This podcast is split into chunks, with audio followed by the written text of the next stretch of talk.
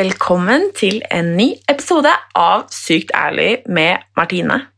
Denne måneden skal du få høre en miks av forskjellige historier gjennom høyttalerne i bilen, eller på kjøkkenet mens du lager mat, i headsetet mens du lufter hunden, eller hvor du nå hører på podkast. Du skal få treffe et knippe forskjellige mennesker. Viktige stemmer, interessante stemmer, kvinnelige forbilder. Viktige kvinnelige rollemodeller.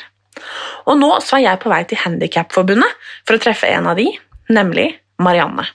Marianne hun er ett år yngre enn meg.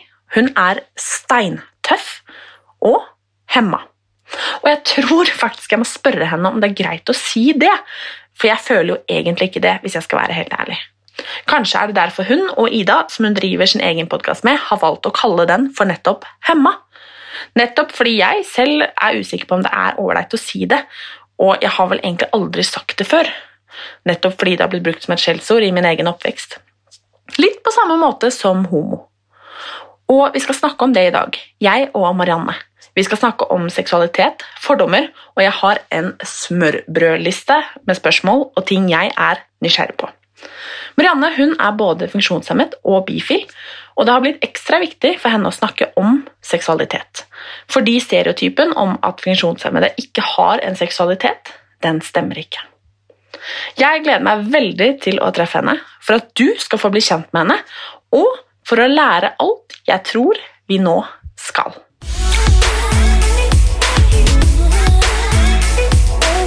Hva er det det står på tatoveringa di på armen? Eh, den eh, Det er et hjerte. Og så er det eh, et symbol, eller liksom kvinnesymbol, skal jeg si, for kvinnekamp i det ene liksom delen av hjertet. Og så er det rullestol-symbolet, liksom, og så er det pride-flagget. Og så over der igjen så er det fjell og på en måte solstråler som går opp av fjellet, der det står eh, I have a dream. Og under der igjen så står det eh, feil folk eh, skammer seg. Og ja, den tok jeg vel for et par-tre år siden. Så det er veldig fin, og så viser den så godt at det, det henger sammen, da. Mm. Hvorfor er den så viktig for deg?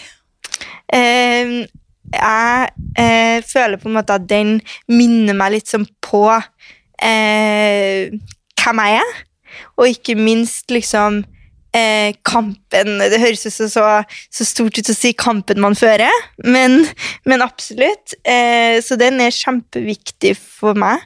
Eh, og så er det jo gjerne sånn at opp gjennom tidene, eh, den diskrimineringa som ulike minoritetsgrupper har møtt, om man tenker at noen eh, sin hudfarge er feil, om man eh, om om kroppen ens er feil, om det er eh, altså sånn, Alle liksom sånne type ting, egenskaper, skjønn altså, Det går jo på ting som har med seg selv som menneske å gjøre. da. Og da er det så viktig å huske på, uavhengig av både, altså, både i dag og tidligere, at det er feil folk eh, som skammer seg. da.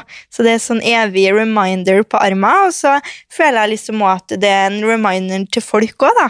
For det er jo en kjempesynlig tatovering sånn eh, over hele på en måte eh, høyrehånda mi, så det er også sånn som folk, andre folk ser, da. Så det, det Ja, den er fin. Den er veldig fin. Jeg er helt enig. For du eh, er eh, Sier man handikappa? Funksjonshemma? Funksjonshemma. Ja, for det lurte jeg på. Eh, for du eh, driver jo en podkast som heter Hemma. Mm. Um, som jeg har vært så heldig å få være gjest i. Ja. Um, og jeg tenkte på det Hemma. Uh, er det lov å si, egentlig?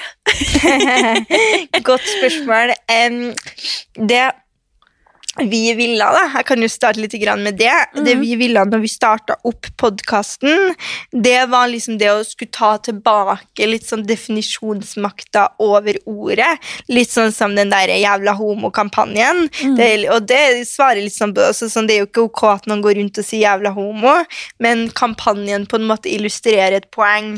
Og det illustrerer også da navnet på podkasten, at det er mange negative assosiasjoner knytta til å være funksjonshemma knytta til hemma. Eh, og da ville vi liksom ta den litt tilbake. da. Så er det veldig stor forskjell på om det er noen som er funksjonshemma, som hadde tatt det tilbake, og om det er noen som er ikke-funksjonshemma. Eh, så det å spille liksom en, eh, en stor eh, rolle, da Ordet funksjonshemma i seg selv er jo ikke et negativt ord. Det er jo noe som vi har skapt til å på en måte bli Ordet homo er jo ikke noe negativt ord, det heller. Og derfor så ja, handler det litt om å ta den litt tilbake, da. Vi, vi er ikke, altså, vi, vi er ikke enig i stereotypiene som liksom ordet symboliserer, da. Mm. Har du noen gang blitt hetsa for å være funksjonshemma? Ja, ganske mange ganger. Um, og det er jo eh, først og fremst veldig mye av den diskrimineringa som man møter som funksjonshemma, som er veldig usynlig, og som blir veldig usynliggjort. Det kan være liksom alt fra at man er på bussen og får høre 'Så fint å se at sånne som deg er på bussen i dag', eller 'Så flink du er som klarer å trykke på knappen i heisen alene', eller liksom Man får mange sånne mikroaggresjoner som er litt sånn fancy ord på det, og man får det også eksempel 'Du ser jo ikke lesbisk ut engang', eller 'Så flink du er til å snakke norsk til ikke være herfra', eller liksom Det er mange sånne, da, så det er jo liksom en, en, en del av det. Men så er det òg liksom Jeg var på, tok flyet, da. Um, jeg tok flyet for en stund tilbake til Oslo, og da var det liksom Flyverten da sa til det sånn bærefolk skal jeg si, på flyplassene som, Fordi rullestolen har ikke plass inn i flyet, så er det noen som du bærer du, du, løftes liksom inn i flyet da, på en sånn rullestol. Ja, men poenget var i hvert fall det, da, at flyverten sa sånn eh, eh, Kan dere sette hun på det setet til dem som løfta meg over i flyet? Eh, og gikk jo helt over mitt hode.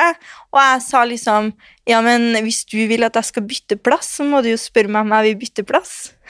det er jo setet mitt, dere må jo eh, Da må du jo spørre meg om. Jeg er jo her, liksom. Eh, og det var jo greit, men det er liksom sånne ting, da.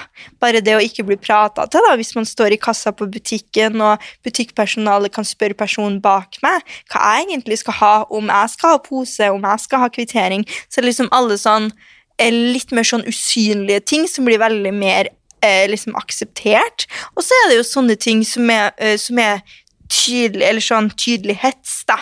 Eh, som er det kan være at jeg får meldinger etter å ha skrevet en kronikk eller et debattinnlegg da, at uh, sånne som meg er for dyr for samfunnet, f.eks. At vi koster for mye penger, at jeg ikke fortjener å leve et liv i frihet, at jeg bør holde litt mer kjeft at det, liksom, det, kan være, det, kan være, mange sånne ting. Det kan være, og Hvis jeg snakker om seksualitet, så kan det være Jeg skjønner ikke hvorfor noen vil ha sex med dere, eller liksom eh, Ja, eller det, mange, det, kan være mange ting, da. Mm. Mm. Hvorfor tror du at noen mennesker ser på en måte Hva skal kalle det se ned, da, på, på deg? Um, jeg tror det blir veldig lett, fordi når man Når det har vært en Skal jeg si Når det er en ting man alltid har gjort, eh, sånn uten å tenke over det, så blir det så vanlig at man ikke ser at man gjør det. At man ikke ser, at man ikke tenker over kanskje hvilke fordommer man har, eller hvilke holdninger man har, og at man ikke utfordrer dem. Fordi det er så normalt at det har blitt sånn. Eh, så det tror jeg, fordi sånn som jeg òg, da, når jeg var yngre, så tenkte jeg at hvis jeg ikke kom om bord på bussen eller inn på restauranten, så var jeg veldig opptatt av å ta, tilpasse meg. Jeg var veldig opptatt av å ikke være til bry. Jeg kunne være sånn Nei, men vi kan bare gå et annet sted, det er ikke noe stress, liksom. Eller altså sånn Jeg, var, jeg tenkte det her var meg, det var min kropp. Det er jeg som er feilen, på en måte. Eh, så jeg må ha en supergod innstilling. Jeg må, jeg må liksom trosse alle oddsene. Det er mitt liksom mål, da? Eh, og når jeg på en måte tenkte det selv, da, da så jo jeg nesten ned på meg selv. Og det var jo litt fordi når du på en måte blir født i en verden som i utgangspunktet tenker at du burde ha vært annerledes, kroppen din burde ha vært annerledes, du burde ha fungert annerledes, så blir det veldig sånn Det flytter inn i deg selv, og så flytter det også inn i alle folkene rundt deg, ikke sant? Og da blir det en sånn samfunnsnorm, da, som er liksom fancy ord på det, som er vanskelig å, vanskelig å endre, da. Så det er liksom jeg tenker eh, det handler om det, at man må gjøre seg mer bevisst. At man må utfordre det som man tenker at bare er sånn. For det er ingenting som bare er sånn, på en måte. Føler du det annerledes? Eh, det der er alltid sånn vanskelig spørsmål, eh, fordi jeg gjør jo det, selvfølgelig. Men det er jo gjerne ikke fordi at jeg er funksjonshemma i, i, i meg selv, sier man det? I seg selv? Ja. Mm. Men, men man, man, man føler jo seg annerledes når man møter diskriminering. For det blir jo et skille. Hvis jeg og du skal ut og spise kebab, for eksempel, og, og jeg, må, jeg, må, stå utenfor mens du kjøper kebaben, eller, eller hvis jeg er på en date, og eh, daten kan gå inn hovedinngangen, mens jeg må gå inn inngangen med søppelsjakta og, eh, og, og lagerrommet. Altså, du kjenner det, du merker den forskjellen. Du blir på en måte litt sånn annenrangs. Eh, så det Da kjenner jeg meg jo annerledes. Eh, men, men, men sånn uh, Skal jeg til å si um, uh, Som menneske så er jeg jo gæren. og sånn, altså, sånn Jeg syns alltid den der spesielle behovet er så teit, fordi man har jo ikke noe spesielle behov. Man har jo alltid de samme behovene, som er venner og familie og på jobb, ikke sant? Det er jo, er jo da Det er jo ikke noe sånn der at man er noe annerledes, man er jo bare folk, og jeg er jo like mye folk, eller ja. Mm. Hvordan er det egentlig med rettigheter for funksjonshemma i Norge i dag? For at jeg har av og til tenkt sånn Hvis jeg har gått inn et sted, eksempel, så har jeg tenkt sånn Er det ikke egentlig påbudt å ha f.eks. rullestolrampe her? Mm. Kan jeg tenke. Eller sånn Ja, men dette her hadde jo ikke gått hvis, hvis dersom at det visste matte, liksom. Mm. At det er Eller bare sånn Den veien her kunne jo ikke eller hva heter det, altså typ gangstien her kunne jo ikke du brukt, for eksempel?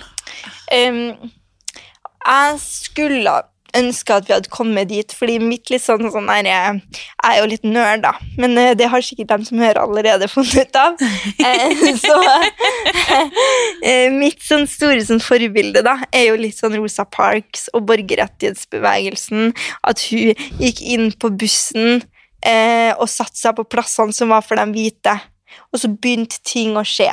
Jeg skulle ha ønska at når jeg gikk på flybussen og ikke fikk komme om bord, så reiste folk seg opp og ikke ville bli med bussen. Fordi da skjer det ting. Og når man aksepterer ting, og aksepterer urett, så blir det sånn, så skjer det ikke ting, da. Eh, så man har en lang vei å gå. Det er jo eh, Det er jo 90% av offentlige bygg som er utilgjengelige i dag. Så det er ganske, det er ganske ville tall, da. Um, og 80% av Norges skoler. Og det tror jeg ikke man tenker over, da. At det er så mange funksjonshemmede barn som ikke får gå på nærskolen sin med vennene sine. Og eh, sånn, så, så, sånn statistisk sett så har vi en lang vei å gå før man får oppfylt bare grunnleggende retten til å gå på den skolen man vil. Valgfrihet, bevegelsesfrihet, alle liksom sånne ting, da. Um, uh, mm. Det visste jeg ikke. Nei. Jeg hadde aldri trodd at det var så mye. Nei, det er et tall som overrasker mange. Det er det. Og man har bare så sykt sånn potensial og liksom Fordi sånn som i arbeidslivet, da, så er det 105 000 funksjonshemmede som er utenfor arbeidslivet i dag. Og det er sykt mange mennesker. Um, og det er jo bare altså, sånn, det er 105 000 kvalifiserte mennesker som vil jobbe, på en måte, og som har, som har den kvalifisert utdanning eh, til den jobben de kanskje har søkt på, men som ikke får jobb da, fordi de er funksjonshemma. Eh, nå husker jeg ikke hva En av tre eh, en av tre arbeidsgivere tror jeg var veldig skeptisk da, på å ansette funksjonshemmede, og det er jo ganske mange eh, så, så bare der så har man jo et veldig sånn stort potensial. Og det er jo litt sånn det samme med kvinnekamp. Hva har Norge tjent på barnehageplasser? Eh, altså bare det å altså, så, så, man kaster jo En ting er jo på en måte menneskerettigheter, eh, men, men en annen ting er jo om det man gjør, er bærekraftig. Man kaster jo bare ressurser ut av vinduet, liksom. Så samfunnet hadde jo tjent så sykt på å bare vært litt mer eh, Nei, og bare satsa mer da, på likestilling. Og det tenker jeg alle kan gjøre. Se seg rundt. Når man er på jobben sin, når man er på skolen, når man er eh, Eller eh, på universitetet, mener jeg, osv. Hvor mange rundt meg er funksjonshemma? Egentlig nå. Hvor mange er det, er, er det, er det representativt her jeg jobber? Eh, og sånne ting det tror jeg er viktig. da, Og så tror jeg man har så lett for å tenke at ja, men det handler om at man ikke kan jobbe. Det handler om at funksjonshemmede ikke kan jobbe. Men det stemmer jo ikke. Det handler jo om at man ikke har tatt representasjon på alvor. da. Det er et langt svar, men det der er sånn spørsmål som man bare kan putte inn en mynt, og så bare kommer det. Så kan man snakke i sånn tre timer. Mm. Men ja. du er jo eh, også eh, Vil du si skeiv? eller vil du si bifil? Eh, jeg sier som oftest skeiv, mm. men det stemmer jo begge deler. mm. Når eh, var det du på en måte fant ut av det selv, eller du kjente at uh, det er det som er riktig for meg? Um, nei, det var nok sikkert når jeg ble forelska, da. Mm. så var det en jente og ikke en gutt. Og jeg hadde jo sett for meg at eh, jeg bare kunne bli forelska i gutta, for man gjør jo litt det. For det er kanskje det man er nesten blitt litt sånn servert. Eh, når man har sett på Disney-filmer og gud vet, det har jo på en måte aldri vært to eh, prinsesser, det har vært en prinsesse og en prins. Eh, og, så jeg hadde på en måte aldri sett for meg at det liksom var greia, og det tror jeg også må være at eh, noe av grunnen til at det tok så sånn, Det er jo så forskjellig. Noen kan jo um, Det er jo ikke noe sånn bestemt liksom, alder, men jeg tror nok at det var noe av grunnen til hvorfor det kanskje tok så lang tid for meg å på en måte uh, innse at ja, men det stemmer jo. For jeg hadde kanskje nesten sett for meg litt sånn derre uh, uh, Man ser for seg hvordan livet sitt skal være, man ser for seg hvordan man er, og så, og så stopper stopper man der. Det er liksom ikke noe rom for at Nei, men det trenger jo ikke å stemme. Eh, I hvert fall var det litt sånn for meg, da. Så, men, eh, men det var jo var vel kanskje på eh, Det var vel egentlig ikke før på videregående. Mm. Mm. At jeg ble liksom første gang litt sånn forelska i ei jente som gikk i klassen min der, da.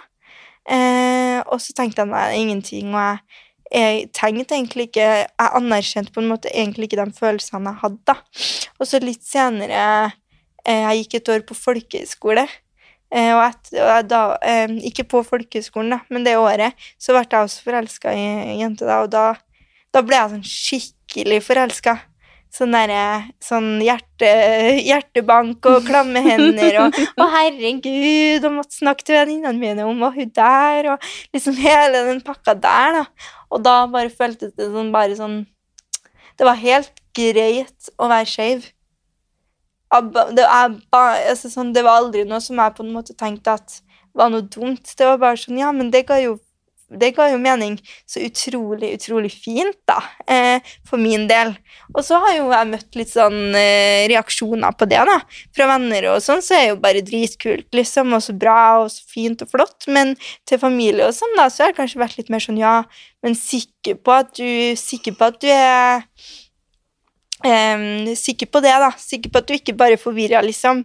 Eh, det er jo eh, ganske forvirrende å være funksjonshemma og kjærlighet, og at man liksom putter den litt inn der, da. Og det kan jo hende at du Altså, litt sånn. Um, og det tror jeg nok uh, det er mange som kjenner seg igjen i.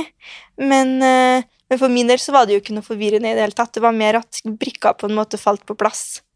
Uh, og at det ga mening, og at det var fint og føltes nesten litt som å komme hjem i seg selv, på en måte. Mm. Så fint. Mm, veldig fint. Men jeg lurer på det, og har du på en måte vært Hva skal man si Bekymra for kjærligheten fordi du er funksjonshemma? Nettopp fordi du sier liksom sånn man har denne Disney-kjærligheten, ikke sant, og eh, det har i hvert fall aldri vært noen der i, i rullestolen, liksom. Nei. Eh, har, det, liksom har det skremt deg? Eh, ja. Ja, det vil jeg si. Og det har vært noe jeg savna. Eh, som jeg kanskje ikke har innsett at jeg savna. For jeg har ikke hatt noen forventning som barn om at det plutselig skulle være en prinsesse som satt i rullestol. Det har ikke vært noe jeg har tenkt på. Men i voksnere alder så forstår jeg at det er noe som jeg eh, virkelig har savna eh, som barn og ungdom. Eh, og jeg er jo ennå ungdom, men eh, bare det å se noen som seg selv i reklamer, i filmer eh, eh, Ja, det er så sykt mangelvare. Og så har man jo liksom sånn et helt halvt år, og de er urørlige, og Men, men her må jeg bare si det, det er veldig altså sånn Det blir én historie.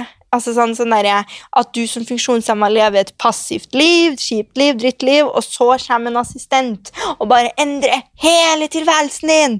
Og det er så lite realistisk! Og jeg blir så, altså jeg skulle bare ønske at man bare kunne ha vært eh, en eller annen kjip eh, kjærlighet på en high school, eller liksom at man bare kunne ha hatt funksjons... Eller en dritkul far, eller bare hatt funksjonshemmede inn i liksom vanlige roller, da, i stedet for å Sånn som i helt halvt år, og der, den er jo helt på trynet, liksom, når det kommer til fremstilling av seksualitet. Ikke sant? Jeg vet ikke om du har sett den, jeg. Si, Nei, har du ikke sett den? Du har hørt Jo, jeg tror jeg har gjort det. Den, jeg, jeg tror jeg grein veldig mye av den. Ja, det, det er det vanlige. Da tror jeg du har sett den. ja, den er liksom der Game of Thrones-stjerna står der. Eh, og han Will, da, som er han eh, i rollen i rullestol, skal jeg si, og hun sier sånn han, han vil jo ta sitt eget liv, og sånn, ikke sant? Og så sier hun sånn Ja, men er ikke jeg nok, da? Og så sier han jo, men hvis jeg ikke hadde vært sånn tenk litt, Bare tenk på hva jeg ville ha gjort med deg, liksom. Seks, seksuelt sett. Så, bare, Det er jo millioner, milliarder av mennesker som ser den filmen, som bare får det fremstilt at han som er funksjonshemma, ikke kan ha sex. Og det er jo helt absurd. Så jeg tenker at man bare har så sykt mye, og eh, det er så sykt stort potensial i i å skulle gjøre fil filmverden mer mangfoldig. Det er bare så sykt mangelvare i dag. Og nå vet jeg ikke om, nå ble jeg så engasjert i film, så jeg vet ikke egentlig helt om jeg svarte på spørsmålet ditt. At Du spurte meg om det var vanskelig med kjærlighet, Mm. så jeg bare glida sånn veldig lett Men da skal jeg stille eh, neste spørsmål som jeg lurer på, eh, som har på en måte med seksualitet å gjøre. Og det er hvordan var det på en måte å skulle utforske egen seksualitet?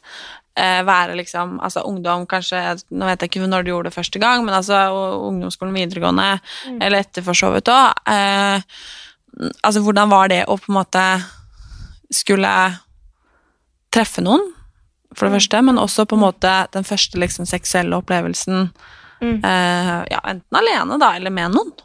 Ja. em, der så hadde jo på en måte det med sex sånn, det hadde på mange måter vært et ikke-tema. Eh, det var ikke noe som ble tatt opp i seksualundervisninga. Det var på en måte ikke noe som noen snakka om. Det var egentlig ikke noe jeg snakka så veldig mye med mine foreldre om heller. Jeg tror kanskje de ikke helt visste helt hvor de skulle, hvordan de skulle gjøre det.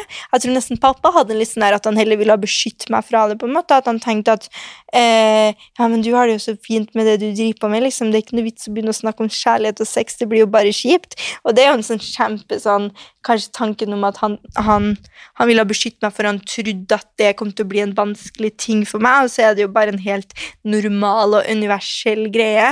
Men det ble i hvert fall veldig, veldig lite eh, snakka om, da. Em, så jeg tror nok egentlig at jeg la litt lokk på den i mange, eller ikke mange år, men, men i en stund. At jeg på en måte tenkte sånn at det er jo ikke noe tilfelle for meg. Det er jo ikke noe jeg trenger å liksom fokus Eller sånn, det, er ikke, det har ikke noe med meg å gjøre. Jeg kunne gjerne snakke med venner liksom om deres opplevelser og deres forelskelser og deres gud og vet, men, men jeg tenkte liksom ikke at eh, Jeg tror jeg i underbevisstheten nesten la litt sånn lokk på min egen seksualitet. Uh, og så og så, Jeg ble jo med i Norges Handikapforbund Ungdom der vi snakka om sex hele, eller der vi om sex hele tida. Vi hadde jo seksu, seksualsamlinger eh, seksuali, Ikke seksualsamlinger, seksualitetssamlinger. Um, og der, det ble liksom, der jeg begynte å liksom reflektere litt mer over ting som jeg egentlig ikke hadde tenkt på, for det ble aldri snakka om.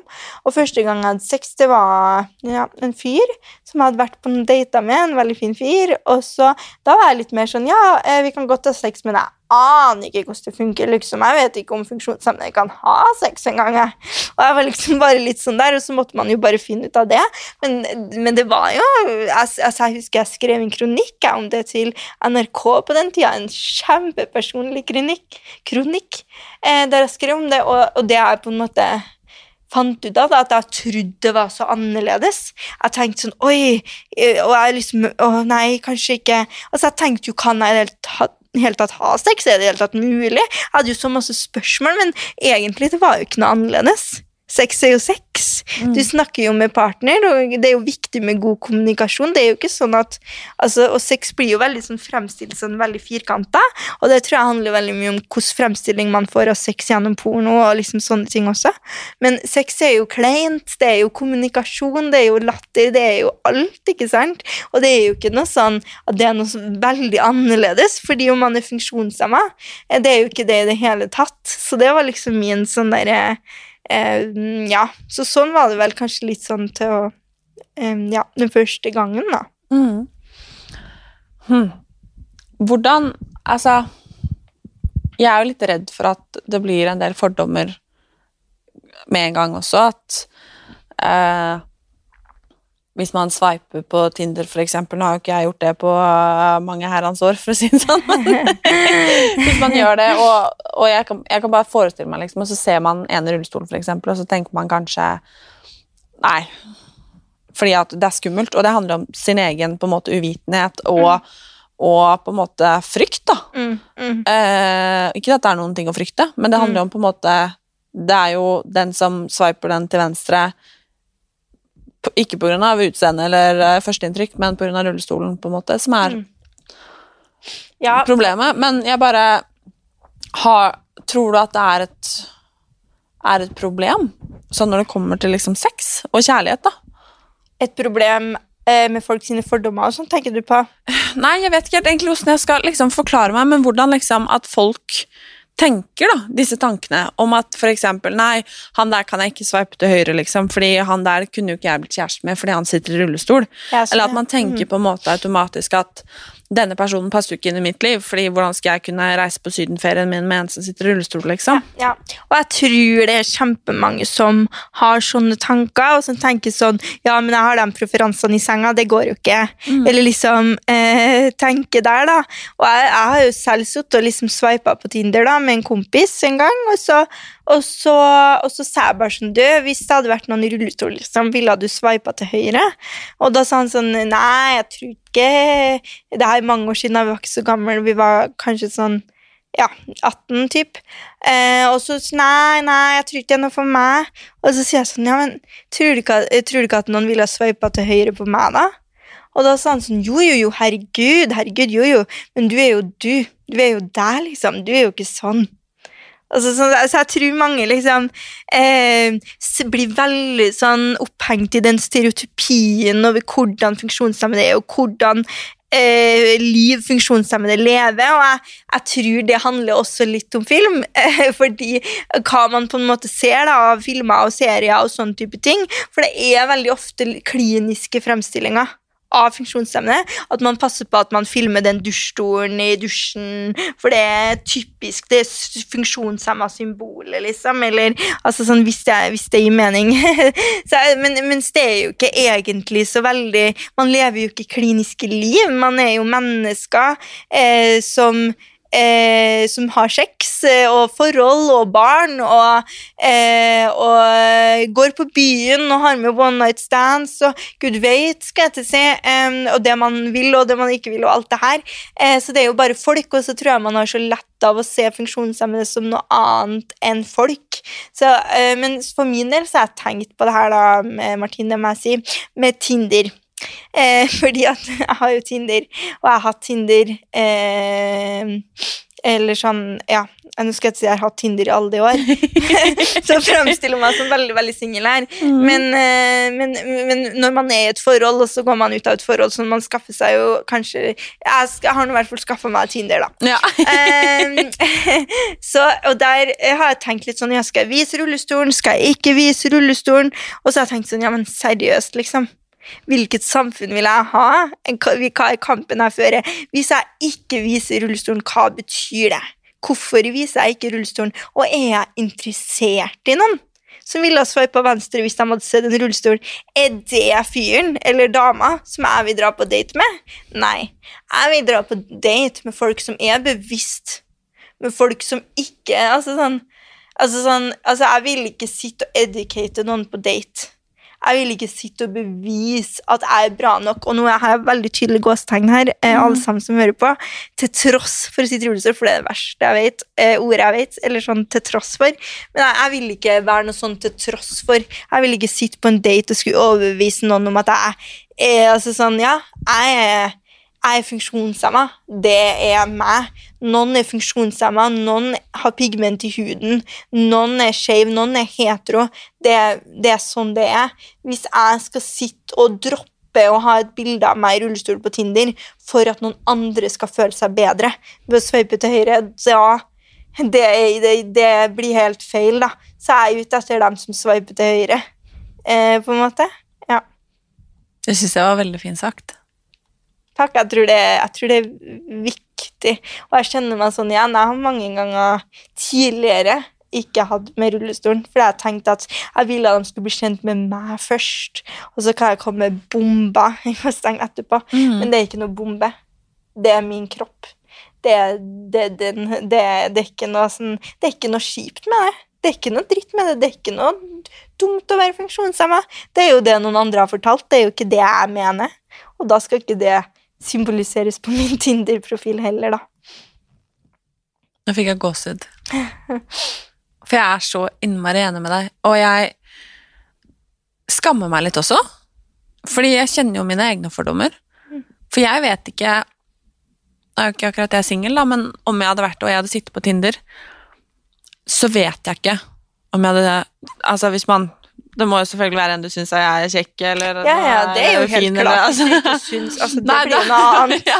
Men altså, om jeg hadde syntes det, og liksom Oi!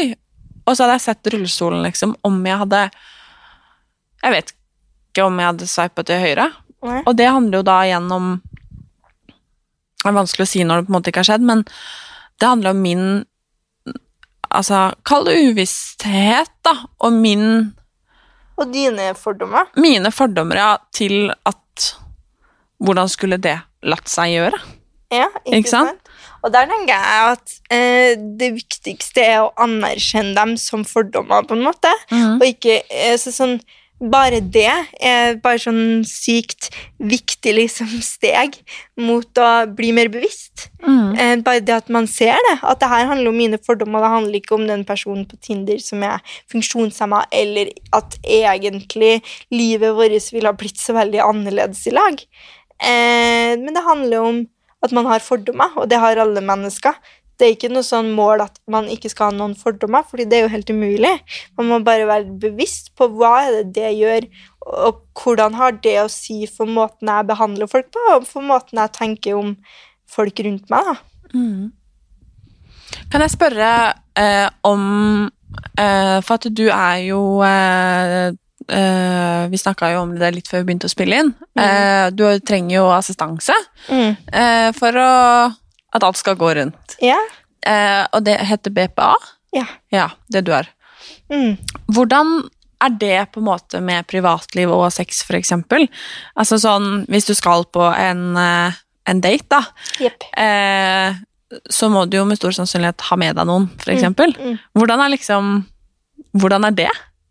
Ja, altså for min del, da. Så der er jo folk veldig forskjellige. Men det som er så fint med BPA, da, det er jo at du kan skreddersy det til ditt eget liv. Hvordan det er du eh, vil ha det. Og så for min del da, så har ikke jeg med meg assistenten på date. Eh, Jeg slipper å sitte rundt bordet. ja, assistenten slipper å sitte rundt bordet. For min del så er BPA-en så å si usynlig. I mitt liv. Det er ikke noe som Altså, folk kan ha kjent meg ganske lenge, egentlig, uten å ha tenkt over at jeg har BPA. Eh, og det handler om at BPA-en for meg er liksom Det er ikke sånn at, sitter, at den sitter der hele tida. BPA-en er mer sånn tilgjengelig, da. Det er mitt likestillingsverktøy, så hvis jeg på en måte trenger noe, da, så kan jeg sende en melding til personen som er på jobb, og så kan den komme og så fikse det jeg trenger, og så dra igjen, da. Og hvis jeg er på date, da har jeg jo som oftest det jeg trenger i noen timer, og så kanskje eh, Og da, hvis det blir noe mer etter daten, man vet jo aldri, så er det jo en BPA som eh, som Da er det jo bare helt sånn Ja, jeg har BPA, den BPA-en skal bare fikse sånn og sånn, så drar den BPA-en igjen. Helt, eh, helt Og da er det jo noen som Og da er det jo noen som er sånn Å, men ja, skal den BPA-en være sammen med oss, da, liksom? Og så, nei, nei. BPA-en skal fikse noen greier for meg, liksom. Jeg må ha litt assistanse. Og så er BPA-en, eh, ikke sant? Så det er jo Det er sånn som man kan, eh, ja, skreddersy helt etter hva man selv har lyst til. Mm. Mm. Kan jeg stille et dumt spørsmål? Ja. Nei, men jeg tenker på sånn, for eksempel sånn med intimbarbering og liksom sånne ting. Eh, altså, man gjør som man vil, men mange foretrekker jo på en måte det. Spesielt hvis man kanskje skal få seg noe, da. Eller yeah, ligge. Yeah, ja. Hvordan er på en måte det å for eksempel skulle gjøre sånne ting, eh, på en måte både i din situasjon, men også med å på en måte ha Altså, er det for eksempel noe man trenger hjelp til? Mm. Ja, altså det er jo kjempeforskjellig. Um, og nå vil jeg jo bare uh, liksom si det, at nå når jeg snakker om Når jeg snakker i podkasten her, så snakker jeg jo på vegne av meg. Mm. Eh, Funksjonshemmede er jo ikke noen homogen gruppe, så folk er jo ulike. Uh, men Og det er jo også sånn med BPA. Noen jeg vet at mange har BPA-en til stede på date, f.eks., men at noen eh, har jeg snakket med, har ansatt BPA som snakker ulikt språk. At det er en BPA som snakker engelsk. Så sier de til daten sin at den BPA-en der snakker engelsk, den forstår ikke en skit, så vi kan snakke om akkurat hva vi vil. Eller at de har BPA-en på bordet bak, eller at de ikke har BPA-en der i det hele tatt. Mm. Og noen er jo også i forhold der BPA på en måte eh, er der, eller BPA-en har kanskje et BPA-rom i leiligheten, eller liksom sånne ting. Eh, og det er jo helt normalt, da. Eh, det er jo ikke sånn Etter hvert så blir man jo veldig vant til det òg, så det er ikke noe man tenker over. Men jeg ville bare få fram at man gjør det forskjellig, at det er så Men det forskjellig. syns jeg er fint. Det syns jeg er veldig, Eh, fint. men intimbarbering eh, Ja, eh, Et eksempel, da. Eh, jeg, jeg får hjelp til det av mine assistenter, da. Eh, og det er helt naturlig. Og det tror jeg handler om at du velger dine egne assistenter. Eh, når, du, når man har BPA, så er det en selv som bestemmer hvem assistentene skal være, hva de skal gjøre, når de skal gjøre det, og hvor de skal gjøre det. Så du har på en måte all bestemmelsesrett. Og det gjør det også veldig naturlig, da, for du kan bestemme hvem du vil ha inn i ditt liv, og hvem du føles eh, å komme. Og for noen som på en måte ikke har assistanse til det, så kan jo det føles helt sånn her Oi, herregud, det blir jo kjempeintimt. Men, eh, men eh, det fins ulike typer intimt. Det er noe helt annet for meg å skulle ha hatt med en BPA og gjøre intimbarbering eh, enn det å skulle ha hatt med en kjæreste i dusjen, f.eks. Eh, så for min del så er det helt normalt. Mm. Mm. Hva må eksempel eh, hvis man har eh, eh, hatt sex da, med en mann, for eksempel, så er det jo lurt å kanskje gå på do og tisse etter Mm, man mm, mm. For eksempel. Hvordan er det, da, for eksempel? Ja, det eh, mye for eksempel her. Ja, det blir veldig sånn Jeg bruker mye liksom, så jeg legger liksom etter hvert. Mm. Ja, jeg er flink på det, jeg òg. Um, nå er det sånn da at jeg klarer å forflytte meg over til toalett uh, selv. Uh, så som oftest så gjør jeg det. Og hvis det, ja, eh, og hvis det er noe jeg trenger, så, eh, så er jo Eller sånn Så for, min del så er ikke det noe problem, jeg bare flytter meg over til toalettet. Men poenget, mitt var at hvis man skulle ha hatt hjelp da, over til do, eksempel, så kunne jo bare han mannen da blitt på soverommet. Så kunne man sendt en liten SMS til sin eh, gode hjelper, og så kunne BPA-en ha kommet, hjulpet på do og dratt igjen. Så kunne han dratt tilbake og hygga deg. Veldig, veldig kjekt. Mm. Kanskje egentlig er alle noe, burde hatt er en noe- hjelpende En hånd i Så det er, livet. noe, det, er noe, det er ikke noe stress. Men det handler om god kommunikasjon, da. Mm. Både med BPA-en og med mannen Ja. eller kjæresten eller uh, Partneren, eller hva det Det trenger ikke å være noe Nei. Det kan fungere veldig fint, det, altså. Mm. Mm. Jeg lurer på, Marianne, hvordan eh, Hvis eh, Nå er du 22. Eh, jeg, er 21, jeg blir 22, blir 22. i november. Ja. Mm. Eh, hvordan håper du at livet ditt ser ut om ti år? Om ti år Eh, Det er vanskelige spørsmål, jeg gud vet. Og det har liksom vært um, Med det her å liksom skal se for seg hvordan livet sitt skal bli, type ting, det er en sånn ting som jeg bare har eh, droppa mer og mer, og tenkt litt sånn her Jeg gjør bare det jeg syns er fint akkurat her og nå, og så Mhm. kanskje jeg gjør noe helt annet om ti år. Men eh, em, ja, akkurat nå da, så jobber jeg jo i, i Mio BPA, da, og det er eh, en BPA-leverandør, da, så jeg på en måte jobber med å eh, hjelpe folk da med rettigheter, med BPA-søknader, med på en måte hjelpe folk til å kunne leve frie liv, eh, og det synes jeg er veldig viktig. Eh, så jeg vet ikke om jeg eh, jobber i Mio, kanskje jeg gjør det, men jeg vil i hvert fall hjelpe folk, em, ikke hjelpe folk, men jeg vil jobbe med likestilling og menneskerettigheter. Om jeg jobber i Handikapforbundet, om jeg jobber i Skeiv Ungdom, om jeg jobber i Redd Barna, eller sånn. Jeg har lyst til å jobbe med, um, med påvirkningsarbeid orga, i organisasjoner. Så jeg har også tenkt litt grann på å bli lærer. Uh, noe helt annet igjen. Men det Men ja. Det er viktig, det òg, da. men ja, ja, jeg håper jeg reiser mer. Kanskje eh, sånn som deg, tar et uh, en lite halvår i Eller jeg vet ikke hvor lenge du skal være der, eller jeg. Men uh, I utlandet. i utlandet, i Ja. Los Angeles. eh, eller jeg vet ikke. Jeg håper jeg gjør mye kult, og så håper jeg gjør noe som jeg føler er viktig. Har det du lyst til å gifte deg en dag? Om jeg har lyst til å gifte meg en dag? Ja, jeg har det. Jeg har det. Det er litt sånn romantisk. Ja. Jeg er en romantisk sjel. Har du lyst på barn? Ja, det har jeg. Mm. Og det er helt greit å Ja, det er jo så forskjellig der om man har lyst på barn eller ikke, da. Men jeg har i hvert fall Nå gikk gardina opp her. Åh, Den der er sånn uh, upraktisk. Styrer seg seg sjæl? Ja, den styrer sitt eget liv, den. Jeg trodde det var mørkere ut enn hva det egentlig var. Ja, ja for den føler det er kjempemørkt. Ja. Det. Men, eh, men hvordan er det å skulle eventuelt altså, gå gravid, da? Eh, det er ikke noe problem for meg å, å gå gravid, og der tenker jeg funksjonshemmede er like forskjellige som det alle er. Man vet aldri om man kan bli gravid. Noen kan ikke bli gravid, og det trenger ikke å vises i det hele tatt, mens andre kan bli gravid. Eh, så sånn er. Noen funksjonshemmede kan bli gravid, andre kan ikke det. Det trenger ikke å ha noe med at man er funksjonshemmet å gjøre i det hele tatt.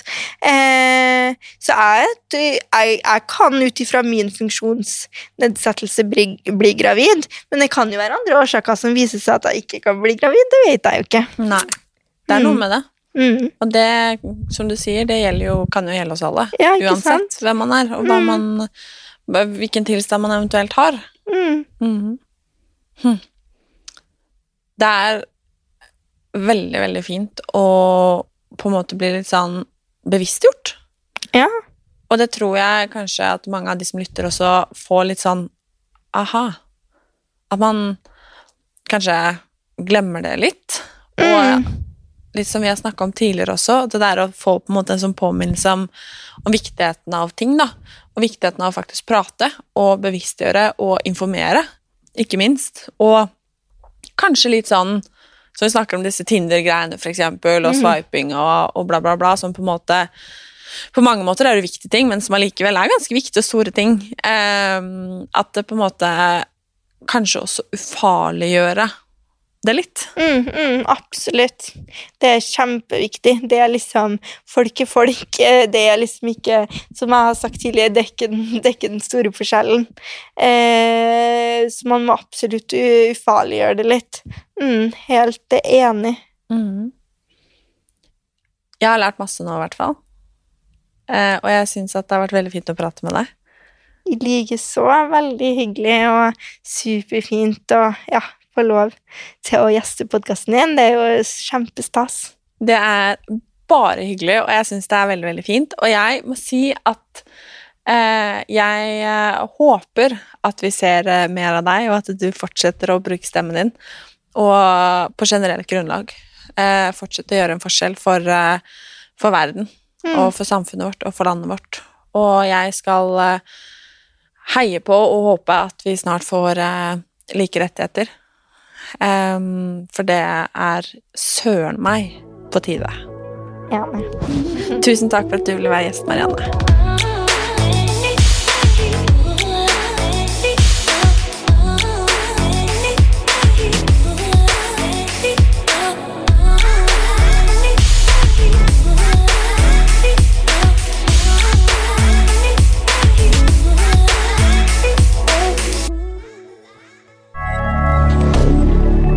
moderne media.